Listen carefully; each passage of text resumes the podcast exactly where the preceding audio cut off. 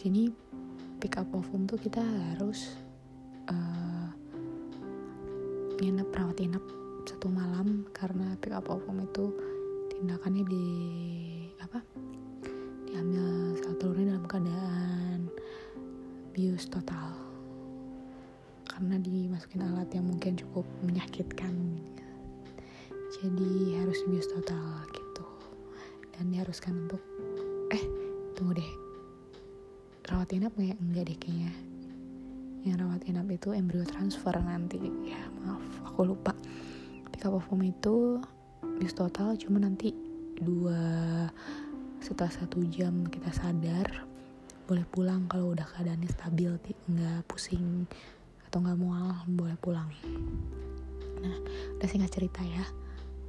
Udah tuh setelah pick up ovum ternyata sudah disatukan sperma suami saya dan sel telur saya di dalam lab. Akhirnya jadilah embrio.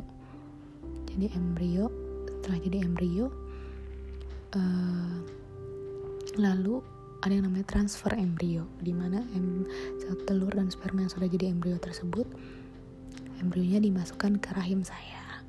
Gitu. Nah sebenarnya proses bayi tabung tuh hanya bedanya proses menyatukannya saja sel sperma sama sel telurnya. Jadi uh, kan ibaratnya kalau hamil pembuahan normal itu sperma masuk lalu bertemu di dalam ya. Karena ini terhalang tuh bapak lovinya buntu jadi dikawinkan di luar seperti itu.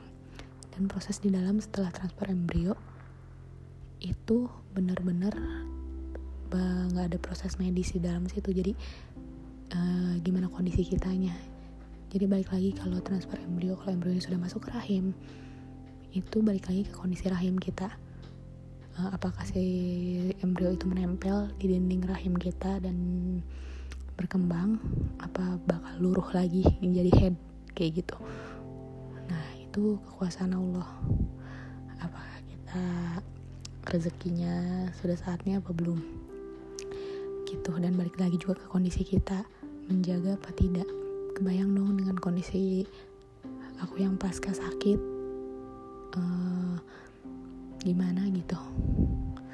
Ngerasain sakitnya disuntik dan lain-lain. Proses yang sangat menyakitkan. Memang ya namanya usaha itu memang harus ya diperjuangkan semuanya. Nah setelah itu transfer embrio tuh harus rawat inap karena sebenarnya prosesnya sebentar. Nggak nyampe satu jam nggak nyampe. Dan kita keadaan sadar. Jadi transfer embrio itu si embrio dimasukkan ke rahim lewat maaf vagina uh, pakai selang kecil. Terus nanti suami harus mendampingi kan karena biar melihat perjuangan seorang istri. Nah lihat di layar. Ini suami dan kitanya tuh disuruh lihat ke layar.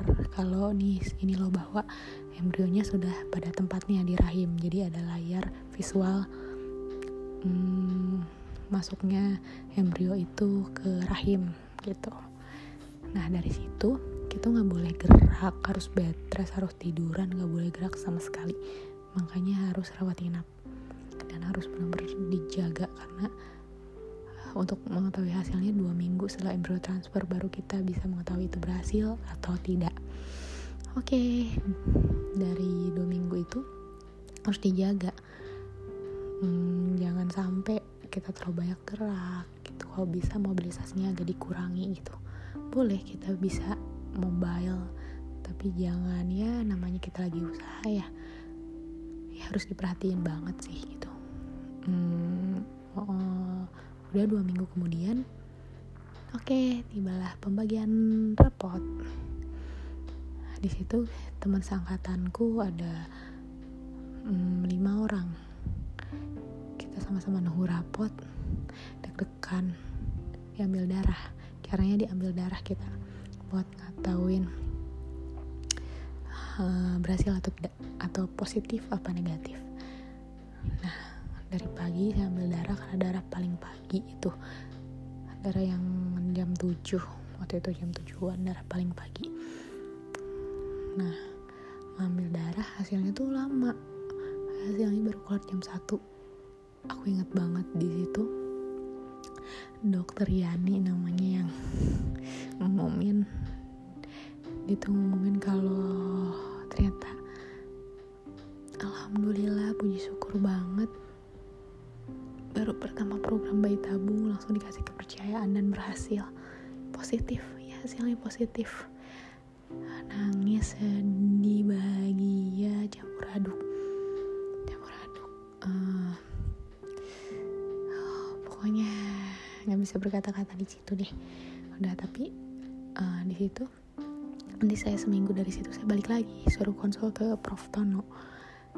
Dilihat apakah yang jadi um, apakah benar jadi atau tidak gitu di USG lebih pastinya. Seminggu kemudian saya datang lagi ke Prof. Tono ternyata kaget dong Prof. Tono bilang ini kembar.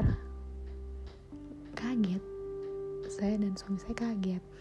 Itu uh, satu sisi kayak gak nyangka gitu tapi bahagia banget. Alhamdulillah banget gitu hadiah hadiah dari Allah. Yang selama ini aku ngerasain sakit ya gimana sih operasi kayak gitu? Gimana pakai kantong kolostomi? Uh, ya gitu pokoknya. Sampai sekarang aja masih suka sedih dan netesin air mata sih kalau cerita itu gitu. Nah udah. Dan ternyata nggak sampai di situ. Ketika hamil pun uh, gak semudah dan gak selancar gak semulus mungkin ibu-ibu hamil yang dalam keadaan sehat ya. Saya di situ masih pasca operasi uh, operasi di perut gitu yang berdekatan dengan rahim ada usus ya kan? Jadi itu sakitnya luar biasa. Ditambah bayinya kembar dan dokter pun bilang Prof Tono juga bilang ini kemungkinan besar prematur. Memang kemungkinan prematur bayi kembar kan lebih besar. Dan ditambah riwayat sayanya gitu saya pernah bedah dua kali operasi jadi ruang di perut saya sudah ibaratnya udah sempit gitu loh. Harus dijaga banget. Nah cuma terus ternyata saya kekuasaan Allah juga sih. Ternyata saya nggak nyampe 9 bulan. Terus saya sampai 7 bulan saya pecah ketuban. Harus cepet-cepet ke rumah sakit tapi nggak sampai di situ. Sebelum sebelumnya saya juga sering bolak balik ke rumah sakit dirawat. Karena itu tadi riwayat saya yang pelengkatan usus khawatirnya si usus ini menekan eh rahim ini menekan usus yang bekas operasi waktu awal saya sakit gitu. Bolak balik ke rumah sakit cek jantung bayinya gimana. Pokoknya penuh drama banget. Hmm, sempat yang kayak suami juga sedih ngeliat kondisi saya gitu yang ya kesakitan sakitnya double hamil juga bekas operasian juga gitu loh. Tapi kuasa ke balik lagi ke kekuasaan Allah hari yang bisa dijalani walaupun memang saya nggak bisa ngejaga sampai 9 bulan gitu sampai ya 8 bulan minimal lah ternyata 7 bulan. Cuma lahir di usia kandungan 31 minggu sedih sih di situ ngerasa kayak kenapa nggak ngejaga ya dari awal? Karena impactnya ya ke anak-anak saya lahir prematur anak kembar saya alhamdulillah cewek sama cowok.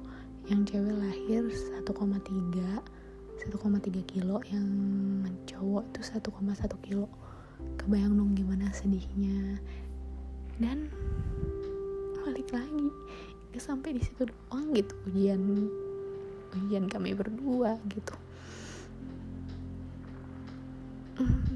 sedih banget sih maksudnya kayak ngerasa sangat sih kok misalnya kita cewek kayak ngerasa kayak kok, kok kita nyusahin suami kita banget sih? Gitu. Kenapa nggak bisa lahiran lancar normal? Gitu. Ternyata harus sesar kayak gitu. Proses sesarnya pun rumit. Ternyata ada perlengketan di kandung kemih kandung kemih saya harus dioperasi dirobek untuk membuka jalur anak-anak karena terhalang oleh kandung kemih jadi operasinya double sesar dan operasi sama dokter urologi kandung kemih. Sedih banget kalau ingat malam itu yang cuma berjuang aku dan suamiku gitu berdua tengah malam ke rumah sakit karena aku pecah ketuban. Suamiku ngedampingin aku ngeliat operasiku. Dan yang bikin sedih lagi anak-anak aku nggak bisa langsung ketemu anak-anak aku karena anak-anak aku tuh harus masuk NICU. Masuk NICU karena beratnya sangat rendah. Udah gitu usia kehamilan masih 31 minggu. Dan ditambah pasca operasi sesar dan operasi kandung kemih saya nggak bisa jalan karena harus pakai kateter. Dan nggak boleh dilepas kateter itu selama dua minggu atau tiga minggu gitu. Karena efek operasi kandung kemih diwasirkan kandung kemihnya bocor jadi saya sementara buang urin itu di kantong kantong kateter. Sedih gitu belum bisa lihat anak. Baru dengar kabar dari suami beratnya ternyata segitu. Sedangkan di sebelah saya anaknya sudah dibawa ke kamar udah bisa meluk udah bisa gimana sih gitu rasanya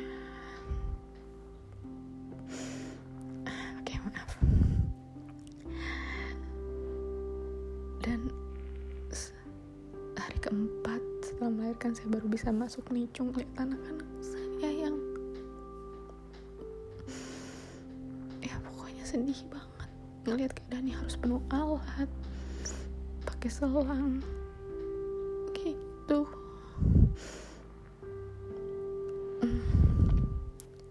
Dan mereka harus berjuang dua bulan ternyata di NICU. Itu bukan waktu yang sebentar untuk bayi. Mereka berjuang mereka hebat banget makanya kenapa suka sedih itu kalau misalnya ngeliat orang yang menggampangkan hal tersebut yang kayak ya udah sih anaknya gini aja ya udah sih anaknya gitu aja. Enggak. Kita tuh kita tuh dengan proses yang susah yang lama berjuang materi tenaga pikiran. Gitu. Jadi aku dan suami sengaja di depan orang memang terlihat happy. Karena memang kuncinya itu kita harus happy. Makanya kenapa kenapa selalu ber apa kita harus usah positive thinking happy. Pertama biar program berhasil. Kedua kedua positive thinking dan happy itu biar anak-anak punya energi buat berjuang hidup. Oke suka sedih banget kalau misalkan ada orang-orang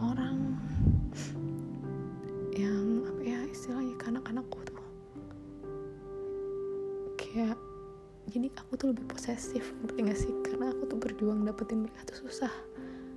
Nggak sembarangan. Jadi aku tuh nggak mau jauh dari anak-anak aku. Aku nggak mau anak-anak aku dibawa orang sembarangan. Aku sangat jaga banget.